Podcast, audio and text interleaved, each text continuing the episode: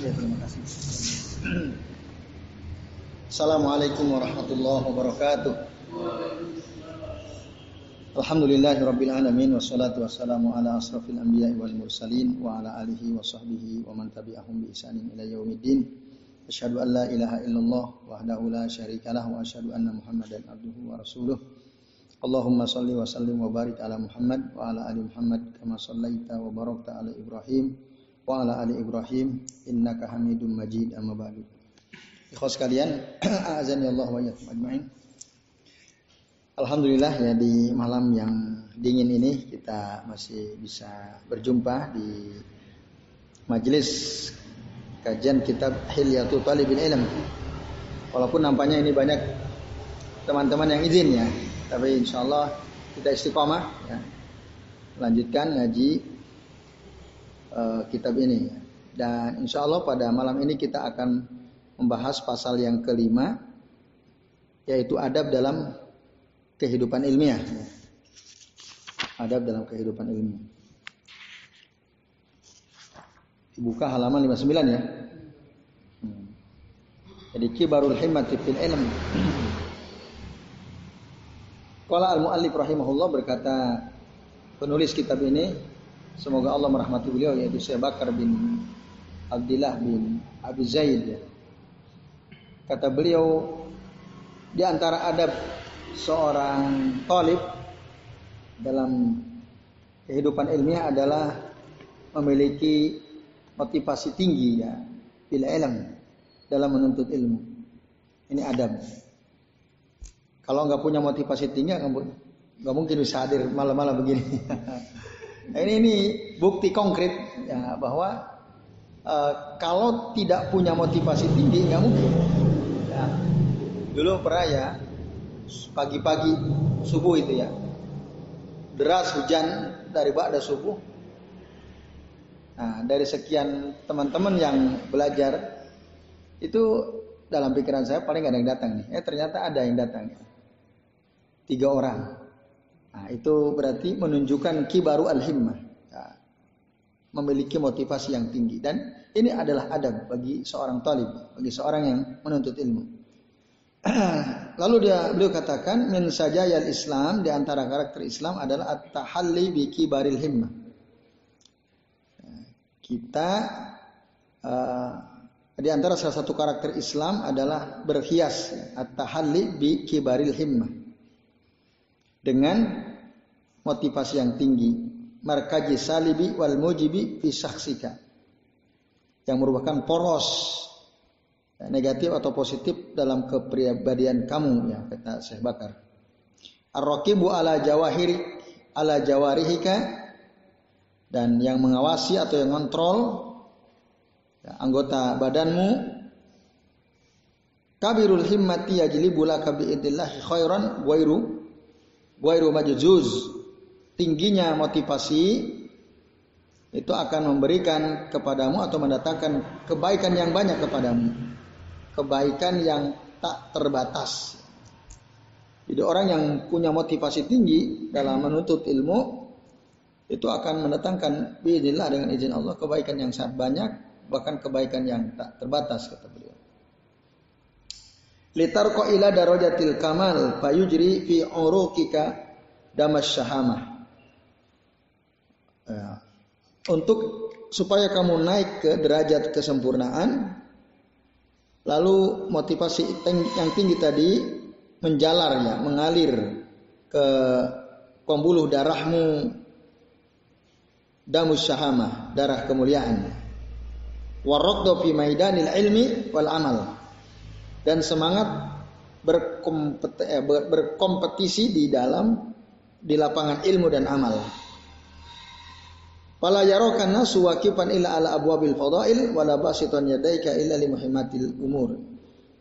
Orang tidaklah melihat kamu berdiri kecuali pada pintu-pintu keutamaan dan orang uh, tidaklah melihat dirimu membuka tangan ya, kecuali illa li umur untuk perkara-perkara yang penting.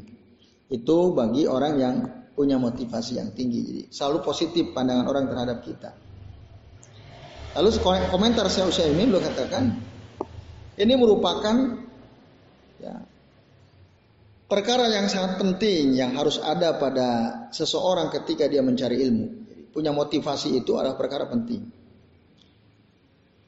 Nah, yakunu hadaf. Maka dengan motivasi tinggi dia punya tujuan dari menuntut ilmu. Tujuannya apa? Jadi bukan hanya sekedar untuk menghilangkan waktu, menghabiskan waktu lah. Jadi kalau orang ngaji datang ke majelis ilmu tujuannya hanya untuk menghabiskan waktu, ah, berarti dia nggak punya motivasi, tidak punya motivasi. Jadi orang yang punya motivasi ketika dia tolabul ilm, ya, maka ada keinginan kuat pada dirinya untuk ya, menjadi pemimpin bagi kaum muslimin, bagi orang-orang takwa. Nah, dan dia ingin maju ya setahap demi setahap sampai apa yang diinginkan tercapai. Maka dalam doa salah satu doa penting yang Allah ajarkan dalam Al-Qur'an itu Rabbana hablana min azwajina wa dzurriyyatina qurrata a'yun waj'alna lil muttaqina imama. Ini doa penting. Rabbana ya Tuhan kami hablana, karuniakanlah kepada kami min azwajina dari pasangan-pasangan hidup kami wa dan dari anak keturunan kami qurrata a'yun. Ya, yang indah dipandang mata menyenangkan. Waj'alna dan jadikanlah kami lil muttaqina imama. Pemimpin bagi orang-orang tak takwa. Ya. tidaklah mungkin seseorang menjadi pemimpin bagi orang takwa kecuali dia punya ilmu. Saya ulangi tidaklah mungkin seseorang menjadi pemimpin orang-orang takwa kecuali dia berilmu jadi motivasi tinggi untuk tolabul ilmi itu salah satu di antaranya ya saya ingin menjadi pemimpin bagi orang-orang takwa. Itu bisa ya seperti itu.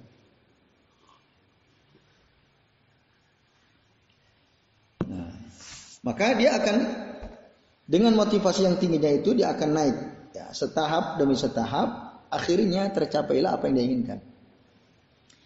Nah, maka dulu Umar Ibn Khattab pernah mengatakan ta'allamu qabla an tusawwadu tuntutlah ilmu sebelum kamu memimpin, menjadi pemimpin. Ilmu dulu dikuasai. Nah, kita boleh minta menjadi pemimpin bagi orang-orang takwa. Doanya jelas sudah ada. Tapi syarat untuk menjadi pemimpin orang-orang takwa adalah harus berilmu. Nah, orang yang motivasinya jelas dan tinggi tadi, dia ingin jadi pemimpin orang-orang takwa, maka dia akan terdorong untuk mencari ilmu. Dan dorongan itu kuat. Motivasi untuk mencari ilmu akan menjadi kuat. Itu ya nah uh, kemudian orang berilmu itu kan dia menjadi perantara antara Allah azza wajalla dengan para hamba. Orang berilmu itu dia akan menjadi perantara selain menjadi pemimpin orang takwa dia akan menjadi perantara wasitoh bainallah azza wa jalla antara Allah azza wa jalla wa bainal ibadi fi tablighi syar'i. Antara Allah dan antara manusia di dalam menyampaikan nilai-nilai syariatnya fi tablighi syar'i. Gitu. Nah, itu harusnya pendorong kita ya. Saya ingin menjadi perantara antara Allah dengan manusia. Nah, supaya syariat Allah itu bisa sampai kepada mereka. Nah itu ya itu sekalian. Nah ini dua kelebihan. Nah orang yang punya cita-cita tinggi, motivasi tinggi untuk menjadi pemimpin bagi orang-orang takwa, untuk menjadi perantara antara Allah dengan para hamba, maka lambat laun akan muncul keinginan kuat pada dirinya untuk mengikuti Alkitab dan Sunnah, Al-Quran dan Sunnah. Nah, jadi kalau kalau orang ingin jadi pemimpin orang takwa, orang ingin menjadi perantara antara Allah dengan para hamba, itu yang diinginkan. Ya. Dan dia ingin menjadi orang yang menyampaikan syariat. Maka akan muncul pada dirinya semangat untuk mengikuti Al-Quran dan Sunnah. Dan akan muncul pada dirinya menentang pendapat-pendapat orang-orang selain Al-Quran dan Sunnah. Itu. Nah, maka dengan ilmu itulah dia akan tertolong untuk bisa mengetahui kebenaran. Itu kata Syekh Al-Utsaimin. Karena apa yang dikatakan oleh para ulama, semoga Allah merahmati mereka semua dari ilmu La syakka annahu abwabun lana. Tidak diragukan lagi itu merupakan pintu-pintu buat kita. Jika tidak maka kita tidak akan sampai, tidak akan mampu sampai kepada derajat ila darajatin nastambitul ahkam minan nusus au ma'rifatir rajih minal marjuh wa minna asbahu dzalika. Nah. Jadi minta tolong dengan ilmu itu untuk mengetahui kebenaran karena tidaklah seseorang atau seorang ulama berkata fihi ya dalam masalah ini ya. Rahimahumullahu minal ilmi. Semoga Allah merahmati para ulama jadi maksudnya mereka akan berbicara dengan ilmu dan ini tidak ada lagi ya. Jika tidak, kita nggak punya semangat motivasi yang tinggi, maka kita nggak bisa sampai kepada derajat yang menghantarkan kita mampu menyimpulkan hukum-hukum dari dalil-dalil dari nas-nas yang ada tidak akan mampu. Nah, jadi kita kalau tidak punya motivasi tinggi tidak akan mampu menyimpulkan hukum-hukum dari dalil-dalil nas-nas atau kita tidak akan mampu menyimpulkan ya, mana yang rajih minal marjuh, mana pendapat kuat dan mana yang tidak kuat. Itu nggak akan bisa kecuali bagi orang yang punya motivasi tinggi.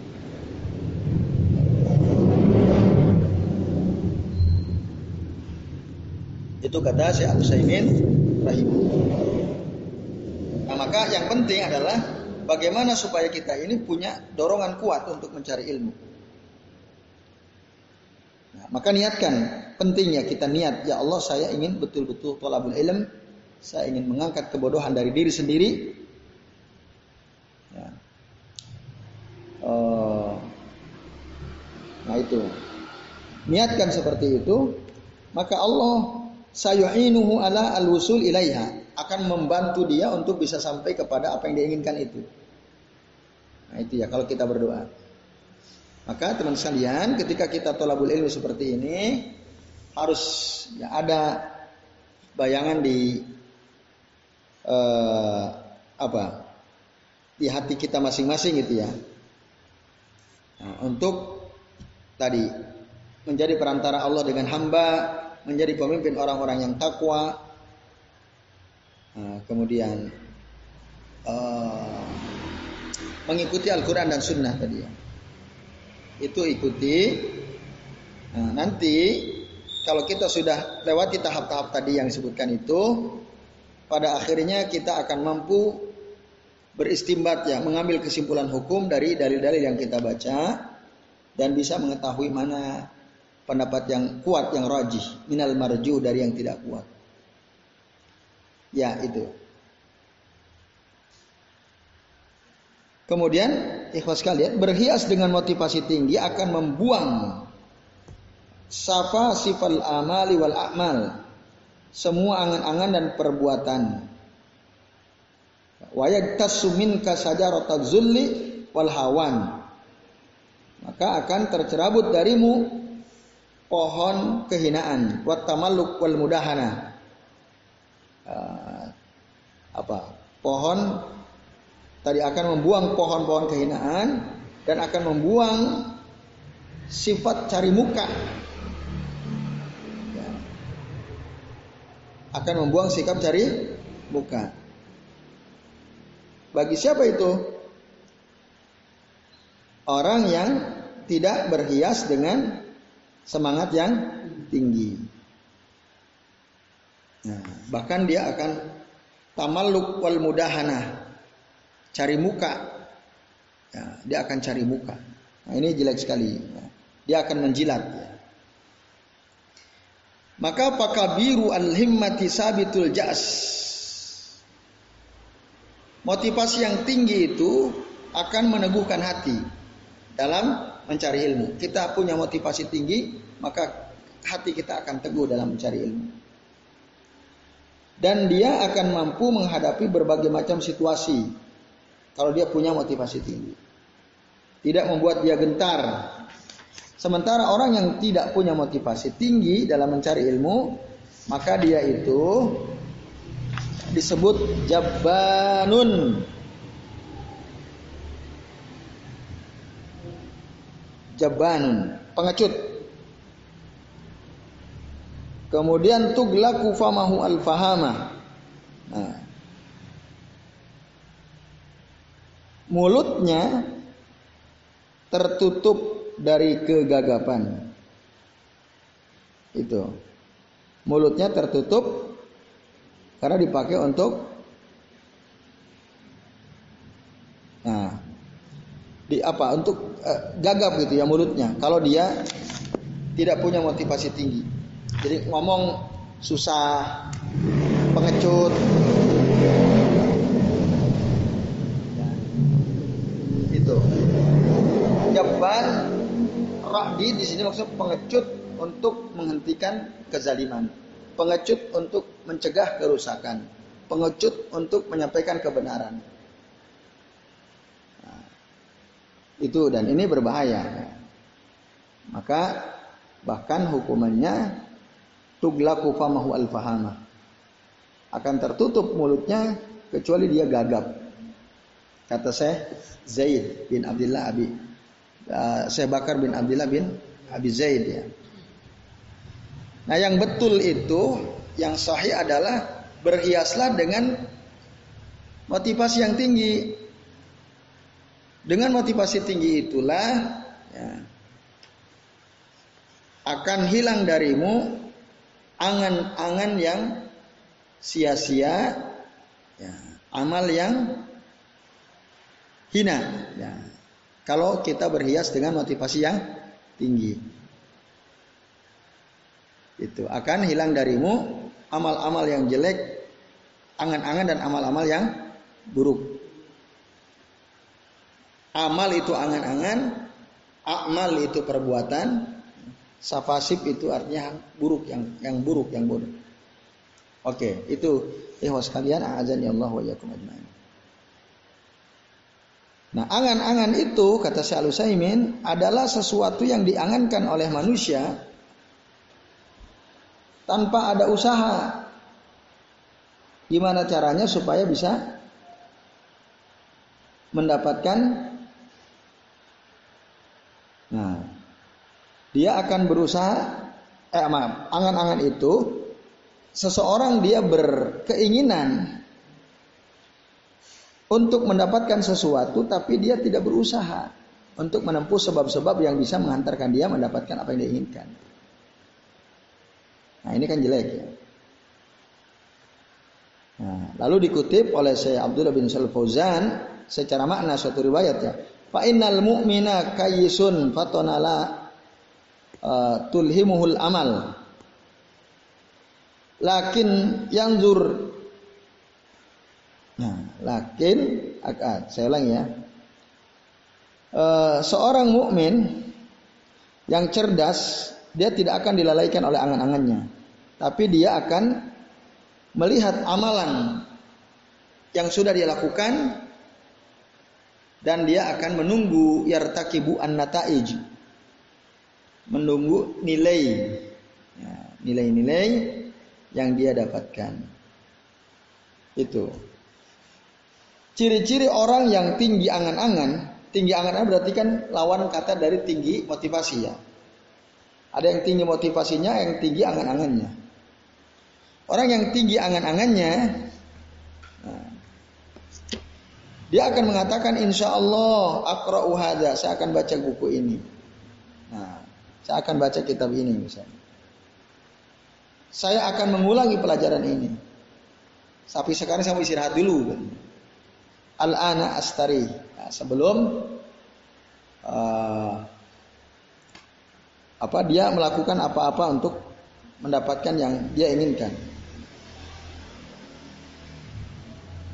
Ya, itu ya sekalian. Uh, jadi orang yang tertipu oleh angan-angan, dia hanya akan mengatakan, insya Allah saya akan baca ini, saya akan baca ini, saya akan mengulangi ini. Nah, tapi faktanya dia nggak nggak balik ya, faktanya nggak balik. Nah, atau orang yang tadi terjebak kepada angan-angan ketika dia membuka-buka kitab nah katanya hanya dalam rangka untuk murajaah masalah minal masail mengulang-ulang membaca uh, suatu masalah ya yang ada hanya itu yang dipikirkan ini orang yang motivasinya lemah. Ya. Tapi kemudian dia melihat daftar isi buku atau kitab ya, dia lihat lembaran-lembarannya.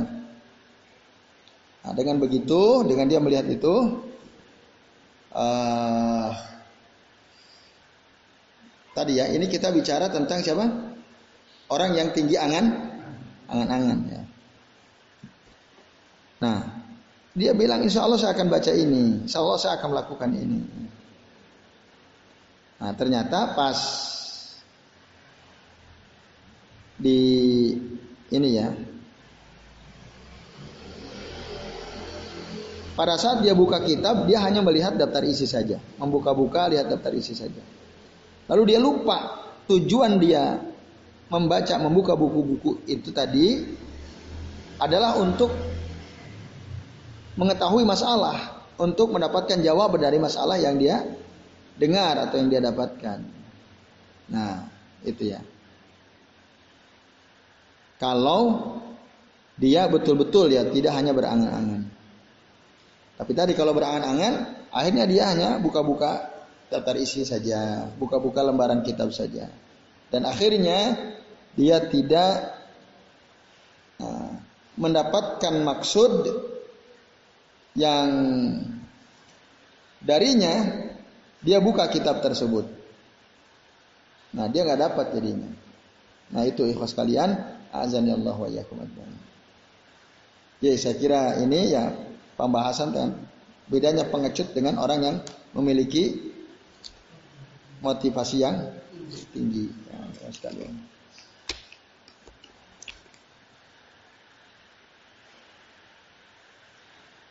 Tapi sayang ini banyak terjadi. Jadi banyak orang tidak punya motivasi tinggi. Dia hanya punya angan-angan. Duh, saya enak sekali ya kalau punya ini dan itu. Begitu aja dia nggak ada usaha, hanya mengangan-angan. Ya. Hanya berangan-angan. Nah, maka orang yang begini ini, ya sekalian, itu bisa mukhibah bisa merugikan ya, kalau kita terlalu banyak angan-angan.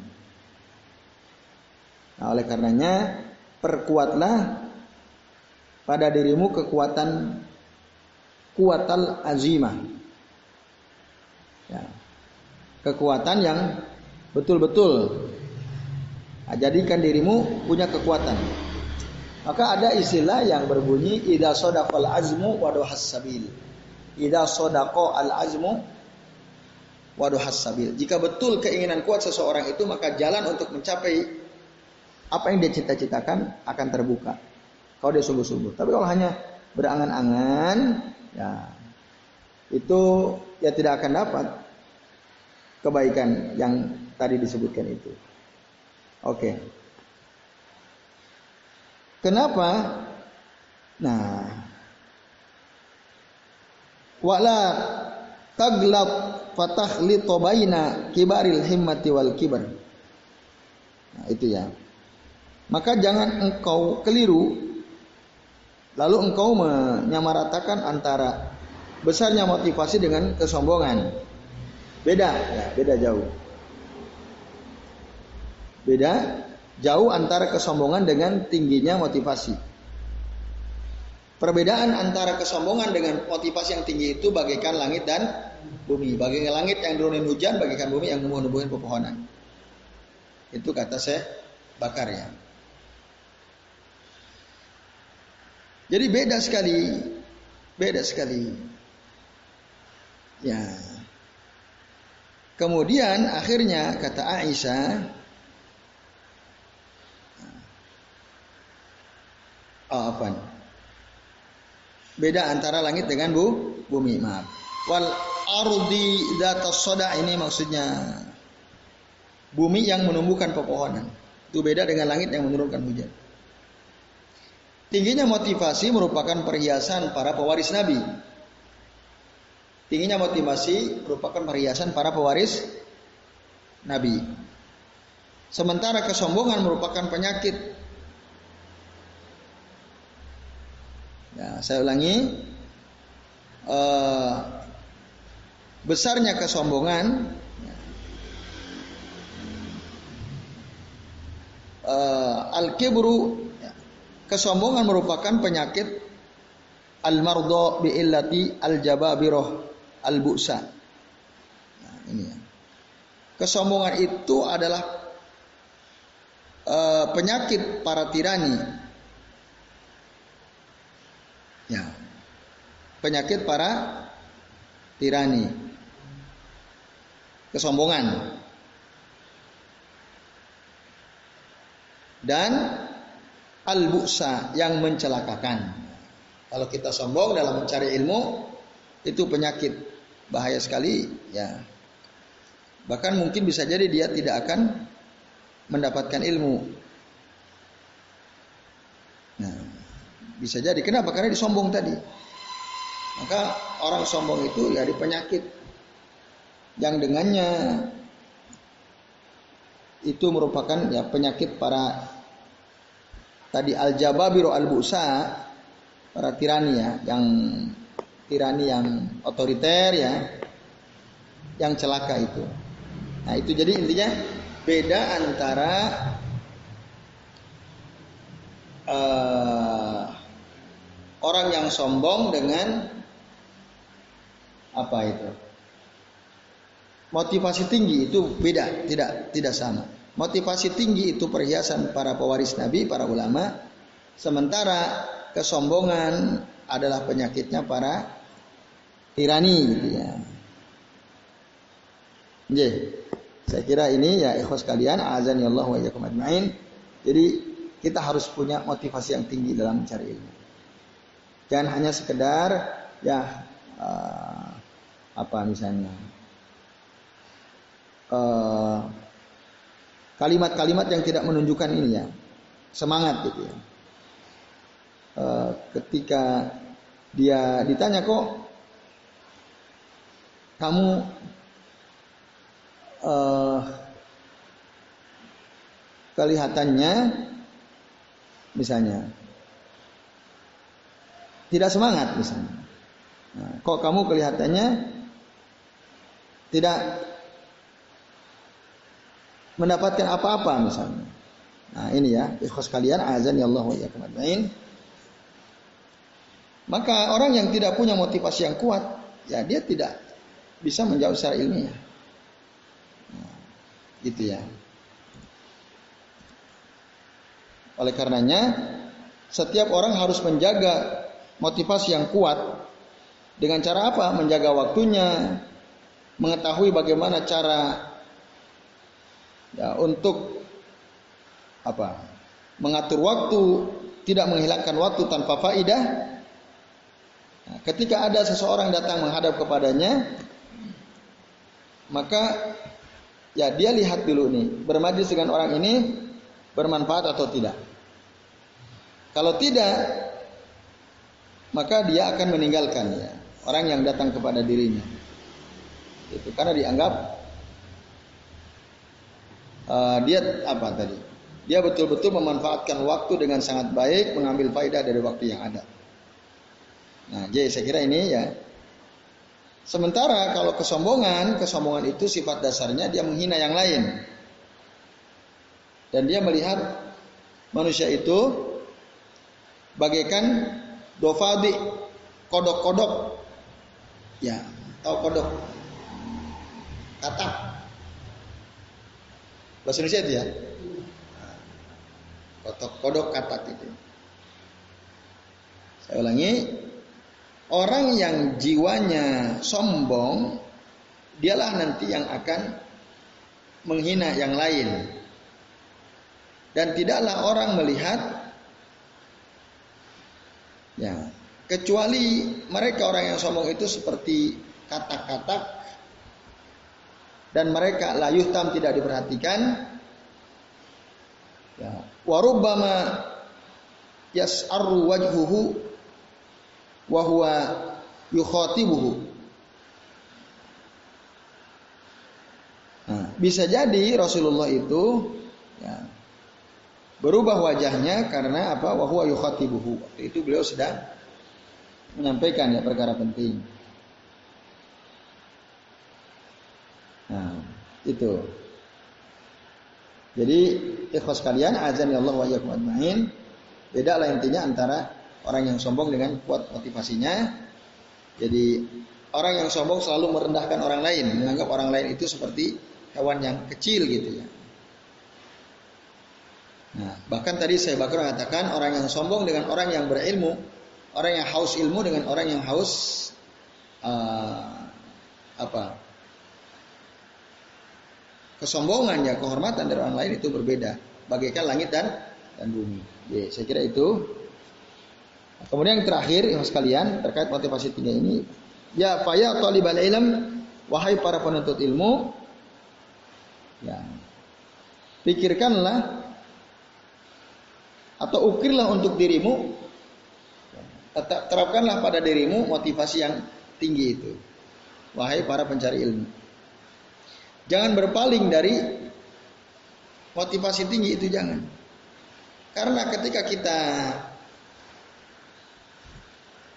misalnya uh, tidak hadir ya ke suatu majelis ilmu, kita dalam hal ini ya tidak berpaling, tapi tetap berusaha mulazamah terhadap suatu majelis ilmu dan itu sesuai dengan apa yang diperintahkan oleh apa yang diperintahkan tidak berpalingnya dari maksudnya dari motivasi yang tinggi dan itu sesuai dengan apa yang diisyaratkan oleh syariat tentang masalah-masalah fikih ya. tulbasu yang menghiasi kehidupanmu. Walitakuna daiman ala yakzatin min igtinamiha dan e, engkau senantiasa yakzoh sadar ya min igtinamiha itu ya. Ya sekalian azan ya Allah wa ajmain. Jadi seorang talib itu harus senantiasa sadar diri. Ya uh, tadi kalau bisa memanfaatkan setiap waktu yang ada. Nah begitulah seorang talib ya. Dia senantiasa dalam keadaan ya sadar. Contohnya ya contoh bolehnya tayamum misalnya. Disebutkan itu ya. Ibahatut tayamumi lil mukallafi. Ya inda faqdil ma. Bolehnya bertayamum bagi seorang mukallaf adalah saat dia kehilangan air, nggak ada air. Lalu kemudian ada orang tiba-tiba membawakan air kepadanya. Ini bulan air, kau gunakan untuk wudhu. Nah, ketika dikasih air ya, untuk tadi wudhu ya. Uh, maka dia tidak akan terima. Ya, jadi ada orang ini kalau yang punya motivasi tinggi ya dia mau mau wudhu misalnya, dia mau wudhu, air nggak ada, tapi uh, apa? Kecuali tempat yang jauh gitu ya, dia mau seorang mukallaf boleh dia tayamum ketika kehilangan air dan selama dia tidak uh, apa namanya? Adamu ilzamihi bi qabuli hibati samanil ma'ilil wudu lima fi dzalika minal minnah allati tanalu minal himmati munalan wa ala hadza faqis wallahu a'lam.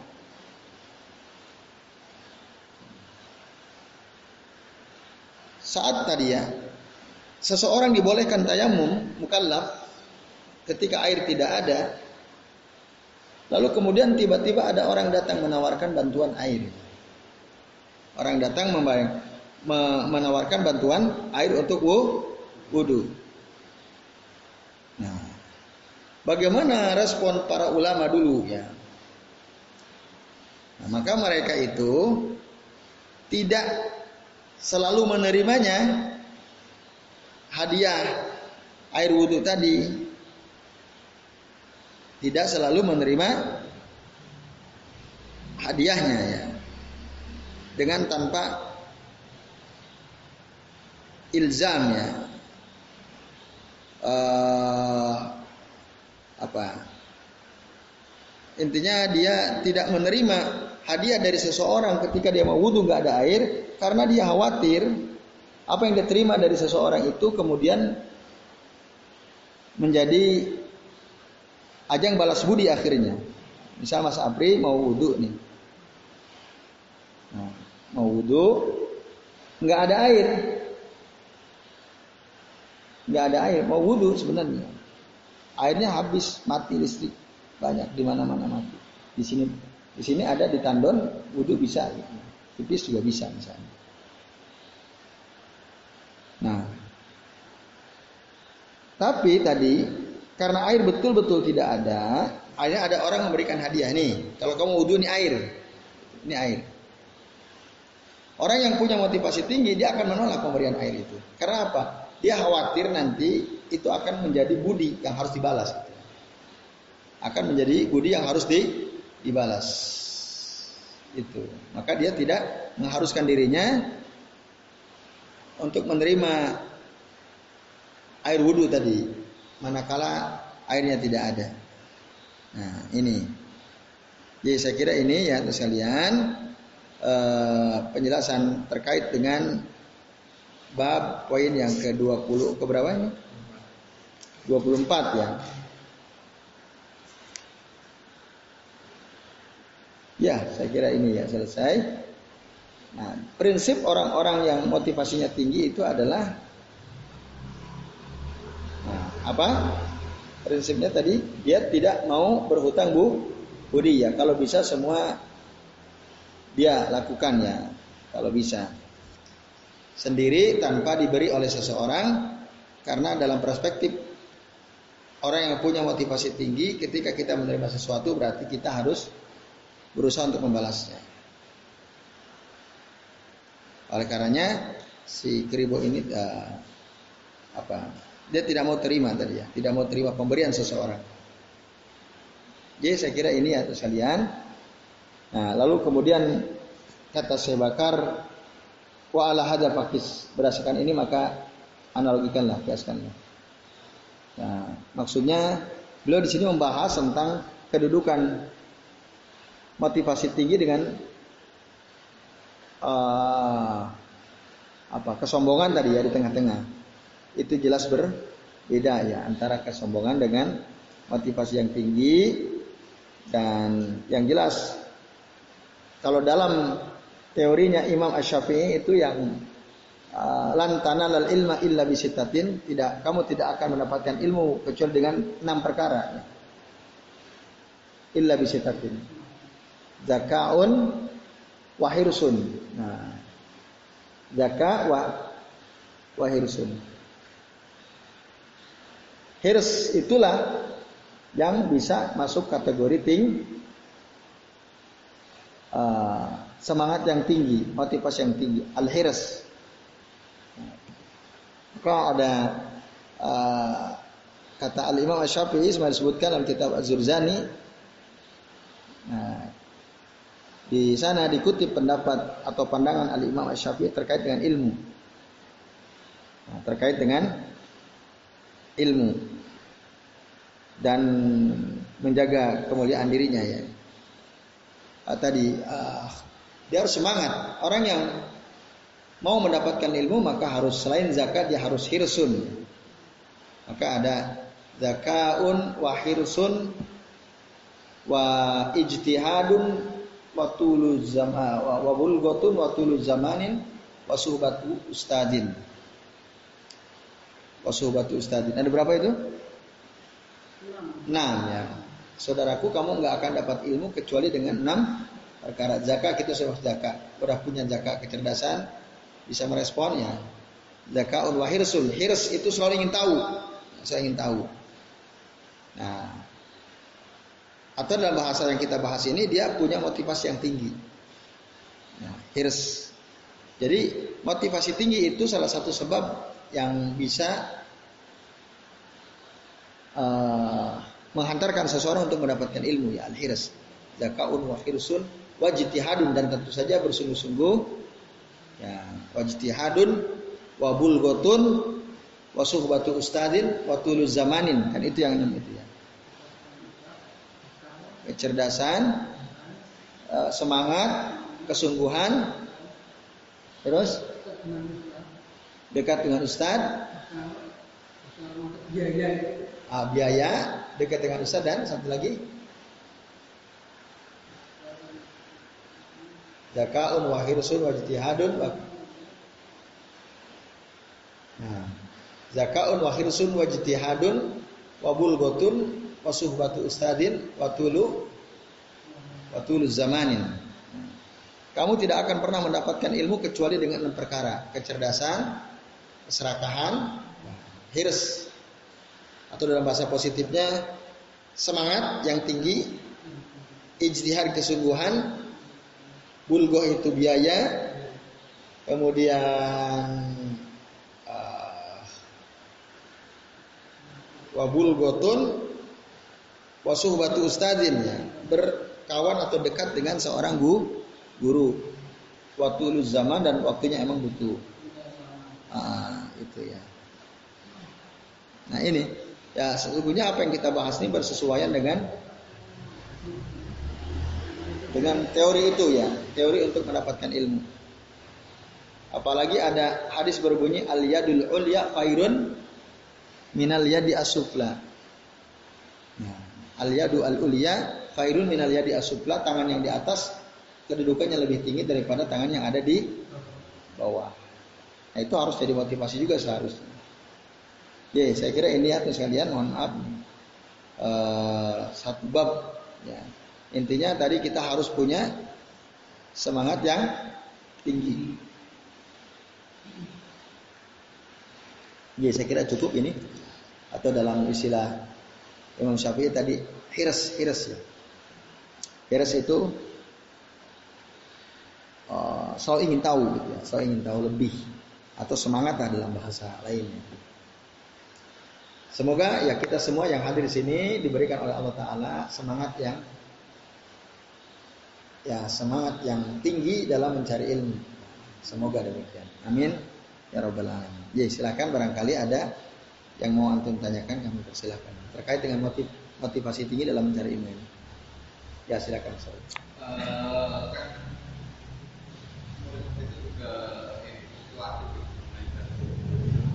Gimana? Oh ya, fluktuatif ya.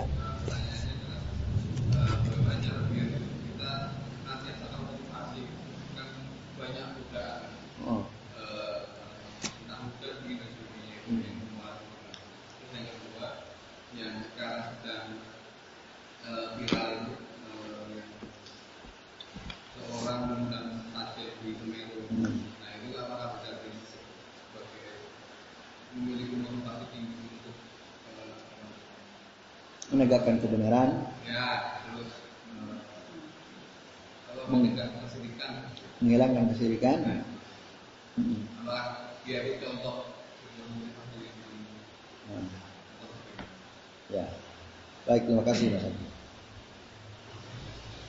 Yang pertama, bagaimana cara untuk konsisten dengan motivasi yang tinggi ya? Ulul himma atau kibarul himma atau al-hirs tadi. Supaya konsisten menjaga motivasi.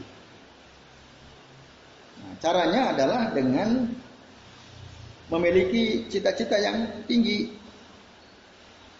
Tadi yang disebutkan dalam Al-Quran itu ingin menjadi pemimpin bagi orang-orang takwa ingin menjadi perantara antara Allah dengan para hambanya. Itu kan di antara apa dorongan yang bisa memunculkan dorongan yang tinggi. Ya. J, itu supaya kita bisa konsisten. Kita punya tujuan lah, kita punya visi gitu. Bahwa saya ini ke depan akan begini, begini, begini. Saya harus berubah dan harus menghadirkan perubahan yang lebih baik misalnya. Nah itu. Caranya begitu ya, ditanamkan dalam hati bahwa uh, saya ini harus dapat ilmu, saya ini harus katakanlah dalam satu tahun menyelesaikan beberapa kitab gitu ya, ngaji menyelesaikan beberapa kitab. Nah, itu. Ya kalau di di kampus misalnya itu lebih mudah. Ya. Supaya dia konsisten untuk dapat motivasi yang tinggi tadi ya. Cita-cita jelas. Terus setelah dia selesai mau apa? Jadi jelas, sudah punya visinya jelas gitu. Nah, untuk bisa sampai pada apa yang dia inginkan misalnya syaratnya IPK-nya kalau di kampus gitu ya. Di atas 3,5 misalnya. Maka kalau dia ngerti salah satu syarat untuk bisa diterima bekerja di tempat yang dia tuju-tuju itu tadi adalah berilmu ya misalnya. Berilmu dan nilai yang tinggi, maka dia otomatis akan terdorong dan istiqomah. Istiqomah dalam mencari ilmu, istiqomah dalam memiliki motivasi yang tinggi tadi. Itu, itu yang yang bisa dilakukan ya supaya motivasi tinggi kita ini konstan gitu ya, terus menerus tidak naik turun. Tentukan tujuannya dulu. Kita mau belajar apa? Kita punya tujuan, visinya apa? Gitu ya. Itu Mas Apri ya. Yang bisa kita lakukan. Ya, semoga ya kita semua istiqomah ya, dalam motivasi yang memiliki motivasi yang tinggi itu. Saya kira itu ya Mas Abri. Visi hidupnya jelas. Visi jelas, jelas. Bahkan target-targetnya juga jelas kalau bisa. Targetnya saya usia sekian harus begini, usia sekian harus begini, usia sekian harus begini. Kalau kita tarik dalam konteks khusus cari ilmu gitu ya. Saya dalam usia saya yang ke-27 tahun harus menyelesaikan belajar kitab hadis yang enam. Sahih Bukhari, Sahih Muslim, Abu Daud, At-Tirmidzi, An-Nasai, Ibnu Majah. Saat usia saya katakan 27 tahun. Waktu itu dia ngomong usia 20 tahun, berarti 7 tahun lagi. Nah, visinya jelas visinya. Dia selesai, harus selesai ngaji kitab Kutubus Sittah. Nah, maka dengan begitu otomatis dia akan semangat. Punya tujuan yang jelas dia akan motivasinya akan kuat. Nah, tapi kalau dia nggak punya tujuan, nggak punya hadap ya, apa yang dia sasar, ya susah mempertahankan motivasi yang tinggi. Ada halangan sedikit, ah malas ah, nggak usah. Itu. Dia tentukan tujuannya apa.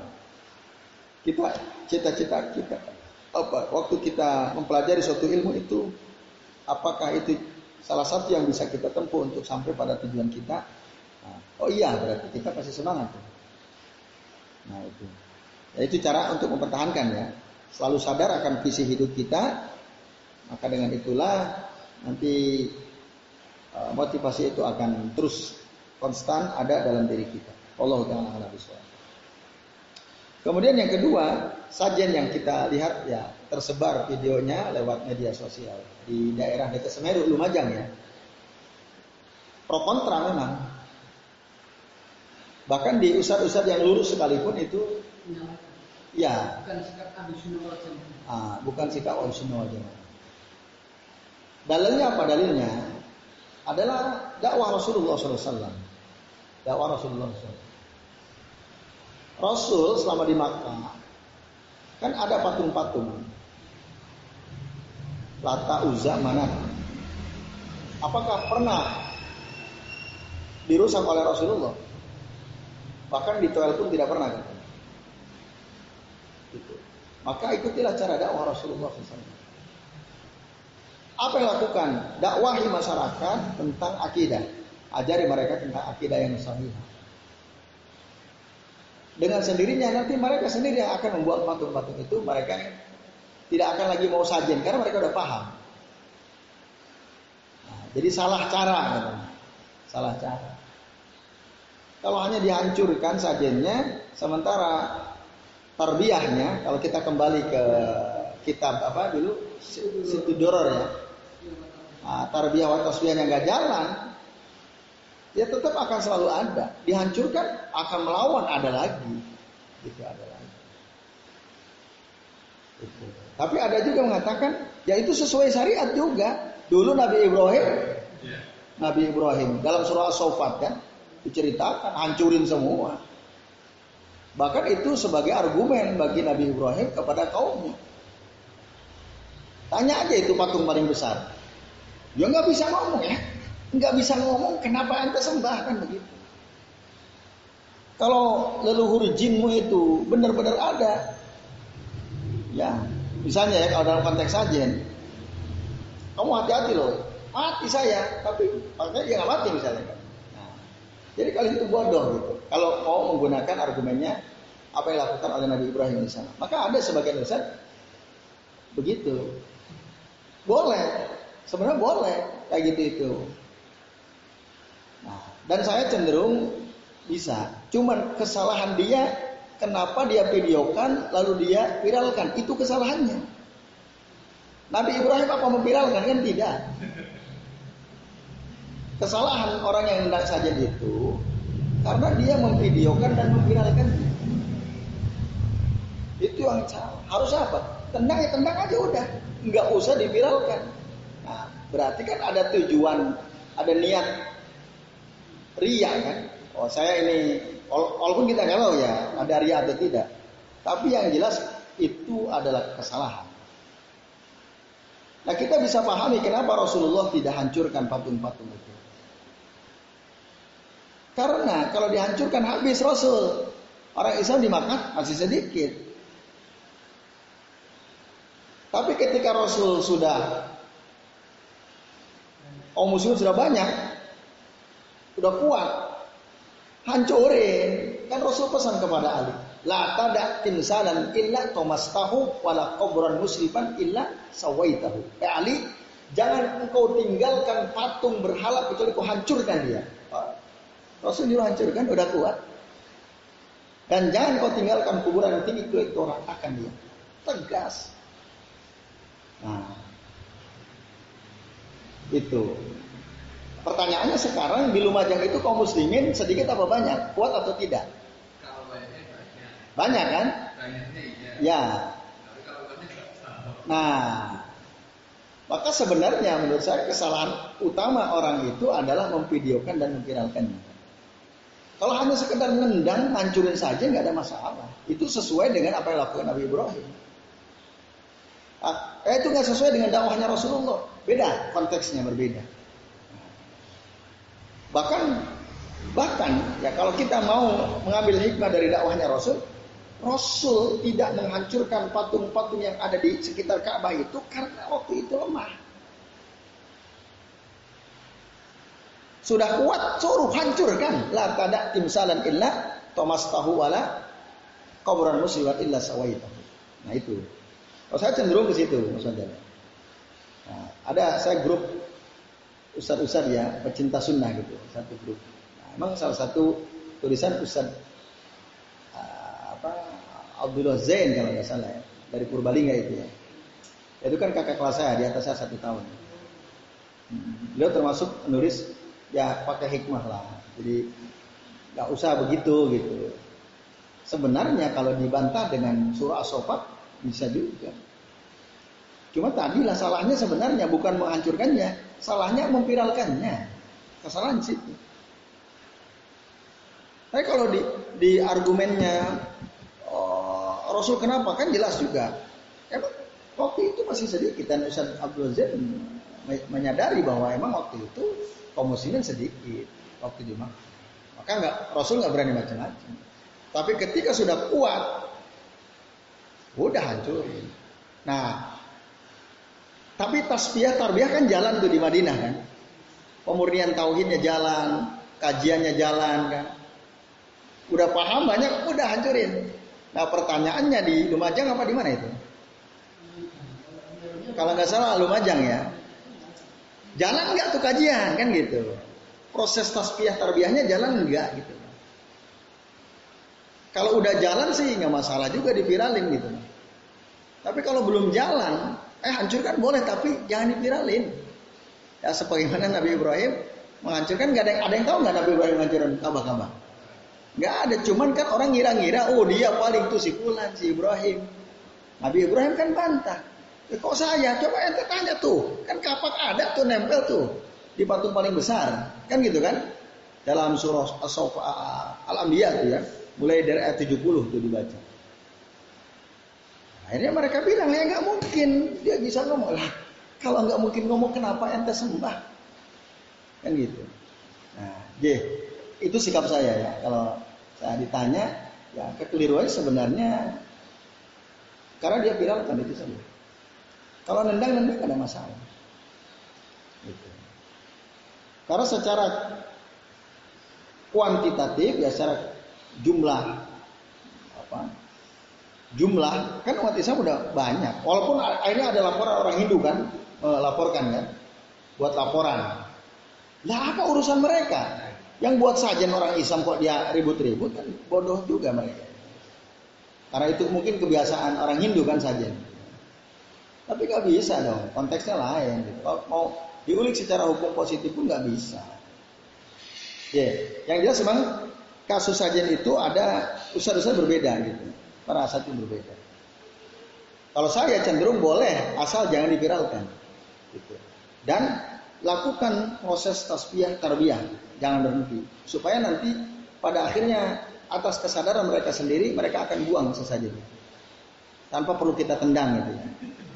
Nah, kalau semua tendangin, tendangin, tendangin, apa itu viralkan, yang akan terjadi perlawanan. Akhirnya kayak anaknya Gus Dur kan membela. Ya. Terus berapa tokoh membela, membela. Ya, itu karena viral. Mungkin mereka dalam rangka untuk ngeyom-ngeyomi ini ya orang-orang kafir barangkali ya. Jadi ngomong di medsos seperti itu. Tapi kalau ditanya apa salahnya di mana gitu? Sebenarnya menghancurkan berhala, menghancurkan saja salah nggak? Ya nggak salah dong. Wong Rasul nyuruh kok. Tadi dalam perkataan Nabi kepada Ali bin Abi Thalib, La tada la tada timsalan illa tamastahu wa la qabran musibat illa sawaita. Disuruh. Tapi memang itu udah kuat. Saya udah kuat. Proses tarbiyah udah jalan, tasbih udah jalan. Dan sebenarnya menghancurkan itu juga proses dari tasbih. Proses tasbih itu apa? Pemurnian. Pemurnian akidah. Itu benar sebenarnya. Ya, ya itu Allah alam ya. Kalau saya sih cenderung nggak ada masalah, cuman salahnya dia dipiralkan gitu. Nggak usah dipiralkan. Allah a'lam. Gitu. Ya baik ya sekalian, ini saya kira penting ya kasus nendang sajian itu jadi uh, ya kan ilmu jadi berkembang tuh ya. Ya, saya bahkan siapa itu ada tulisan-tulisan terbaru gitu. Dia intinya me, me, me, mengupas itu dengan banyak pertanyaan, pertanyaan jawaban jawaban. Saya nggak belum tuntas jawabnya apa kesimpulan akhirnya. Tapi kalau salah satu ustadz yang tadi saya sebut namanya, beliau tidak setuju gitu. Ya contohnya, contoh Rasul itu dakwah dengan hikmah. Gak perlu seperti itu. Ya, jadi saya kira itu. Tapi tadi sebenarnya ketika sudah kuat, boleh dihancurin. Bahkan ya kalau kita tanya jumlah kaum banyak enggak ya banyak. Cuma memang kalau ditanya lagi, mereka udah pada paham belum? Nah itu. Itu. Tapi ya itu itu mungkin tarbiyahnya nggak jalan. Itu kan proses tasbih itu kan pemurnian. Ini tidak benar. Ya Allah alam bisa. Ya baik sekalian, semoga apa yang kita kaji malam ini tetap bermanfaat ya. Uh, motivasi yang tinggi tadi. Semoga kita semua senantiasa diberikan ya, dorongan yang kuat untuk terus mencari ilmu, maka tentukan visi. Mas Apri, Mas Fajar gitu. Kita ini cari ilmu apa sih? Targetnya apa? Gitu. Tadi misalnya target paling teknis kan selama sekian tahun saya harus menyelesaikan gaji kitab sekian. Kan gitu. Itu target paling teknis kan? Uh, terus ya saya harus memahami bab-bab tentang akidah yang paling urgen gitu misalnya. Nah, kalau ditaikin naikin lagi ya saya ingin berdakwah ketika ilmu sudah sampai kepada saya dan saya sudah menguasai ilmu-ilmu tersebut Ya itu, itu nanti yang akan mendorong kibar al-himah tadi ke apa motivasi yang kuat, yang kokoh, yang tinggi itu akan selalu ada. Itu. Nah, kalau nggak punya target, ya lemah nanti ada saatnya putur. Belum lagi kalau niatnya hanya sekedar menghabiskan waktu daripada saya bengong di rumah, ah ikut ngaji aja lah. Nah, itu lebih ini lagi, rapuh lagi. Orang yang hanya begitu di dalam pikirannya tidak mungkin dia punya motivasi yang tinggi. Ada halangan sedikit, ah capek udahlah istirahat aja. Nah. Apa? Ah, ya minimal. Ah, ah, ya itu. Tadi karena dia nggak punya visi kan, ngajinya hanya sekedar hadir hanya sekedar hadir. Nah, eh, setiap orang punya kapasitas di bidang ah. ada yang kemudahan. Saya dakwah itu itu. Hukum itu jelas jelas dalam Islam. Tapi kalau saya lebih. Tapi ada sebagian ini, orang yang oleh Allah langsung meninggalkan. Tapi muslim yang memang belum dimudahkan hmm. belum mudah diterima oleh sebagian teman yang masih formal hmm. gitu. Iya. Tapi kalau saya langsung belum boleh dan itu ya. beda. Penyampaian itu kadang perlu dan kadang saya menunjukkan teman-teman konsep-konsep berdakwah. Hmm. Perkara simpel jarang orang mengetahui. Kita harus tahu dengan siapa kita berdakwah dulu. Biar lawan lawan kita. Orang yang sudah memahami tauhid atau orang yang awam. Hmm. kita bertemu dengan orang awam maka balas dengan santun. Tapi ketika orang tanya dia harus tegas hmm. paham sunnah kok masih seperti itu? Dan kita tegas itu kita gitu. Iya. Ya itu. Maka tadi artinya kan kita punya visi kan? Punya tujuan gitu. Kita hadir ke majelis ilmu belajar ilmu itu ya harus jelas tujuannya tadi saya ingin berdakwah kan gitu saya ingin mengamalkan. Saya dulu bodoh gitu, saya nggak ngerti apa-apa. Saya ingin paham, saya ingin amalkan. Setiap dapat ilmu saya harus amalkan, saya harus dakwahkan. Beda dengan hanya sekedar untuk menghabiskan waktu. Beda sekali. Dan itu terasa. Gitu. Ya, itu ya. Nah, semoga kita ya ini sebenarnya penting diketahui oleh teman-teman nih kan. Ini sayang banyak yang tidak hadir kan. Ya tadi agar kita itu semangatnya konstan gitu ada terus. Apa pun yang terjadi ya. Berat, ringan, mulainya malam, sedikit banyak jalan kan gitu.